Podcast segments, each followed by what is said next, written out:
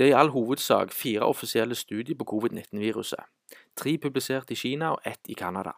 Flertallet av studiene bekrefter en identifisering og isolering av viruset kalt SARS-CoV-2. Og det er disse studiene myndighetene og andre autoriteter samt media støtter seg til. Det eksisterer òg studier der de blankt påstår at det er vitenskapelig påvist at virusets genom er sekvensert og analysert fra ende til annen. Med andre ord at det faktisk er det de sier det er. Men som tidligere nevnt, det er basert på datagenererte algoritmer. Og det er fra disse algoritmene at RNA-vaksiner har sitt, fått sitt opphav. Men det er et tema for en fremtidig kjappis. Så ingen av de offisielle studiene har isolert per definisjon viruset, som jeg har gjentatt så mange ganger nå, som i seg selv er en bekreftelse på at virusets genstruktur ikke kan være kjent i det hele tatt. Det er sunn, rasjonell logikk. Dette er òg bekreftet fra forfatterne, altså forskerne selv, i forbindelse med en gjennomgang av studiene som ble utført av Torstein Engelbrek og Konstantin Demeter. Ved to av studiene innrømmes det at det er spekulering og mer forskning kreves, mens de to resterende sier det motsatte. Når det er sagt, ingen tilfredsstiller Cox postulates, som tidligere nevnt i forbindelse med bakterier. Det samme kan òg sies om Rivers postulates, som faktisk er laga for virus, i motsetning til Cox, som egentlig er meint for bakterier. Rivers postulates ble etablert i 1937 som en gullstandard, og består av seks kriterier og oppfylles ikke kriteriene, kan heller ikke årsak være et virus. Ingen av de offisielle studiene tilfredsstiller Rivers tre første kriterier, og ingen nevner engang kriteriet fire og fem.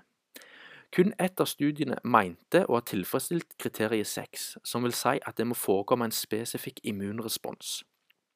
Men det var på bakgrunn av kun nivået av immunoglobulin, altså antistoff, og ikke basert på type antistoff, og er derfor ikke relevant. Summert opp, dette er vitenskapelig bedrageri, med bevis som er klare og tydelige. Men siden det ikke rapporteres i nyhetsbildet for en eller annen grunn, så blir det fullstendig ignorert. Vi lever altså i ei, ja, i tid hvor mennesket er trollbonde av frykt for et virus så lite at en ikke kan se det. Hvor folk må testes for å vite om de er syke, hvor statistikk på smittetall repeteres daglig som en spiker som hamres inn i ubevisstheten, samtidig som årlig dødstall holdes linær, og influensa og annen relevant sykdom opphøres. Alt dette under en såkalt pandemi med en overlevelsesrate på 99,1% Ved særtilfelle så puttes folk på respirator istedenfor oksygentilførsel når problemet ikke er evnen til å puste, men evnen til å ta opp nok oksygen. Og Sist jeg sjekka med moderne medisin, kan ikke en mikroorganisme som et virus eller bakterie være årsak. Men tro meg, når en er villeda av en teori som ikke tåler tidens tann, kan nok dette òg bli et symptom. Og en vitenskapelig forklaring rundt dette tas opp i en fremtidig kjappis, og er høyst relevant.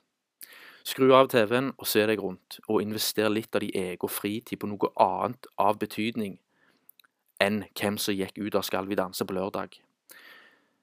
Ta tilbake selvrespekten din, og still spørsmål til den normen som er gitt.